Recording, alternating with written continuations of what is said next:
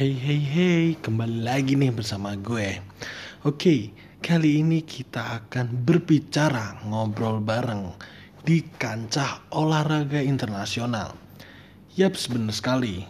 Itu adalah kejuaraan dunia MotoGP atau kerap disebut sebagai MotoGP atau nama resminya FIM MotoGP World Championship adalah kelas utama dari seri balapan Grand Prix sepeda motor. Dulu kelas ini dikenal dengan nama kelas 500cc atau biasa disebut JP500 yang pertama kali digelar sejak musim 1949.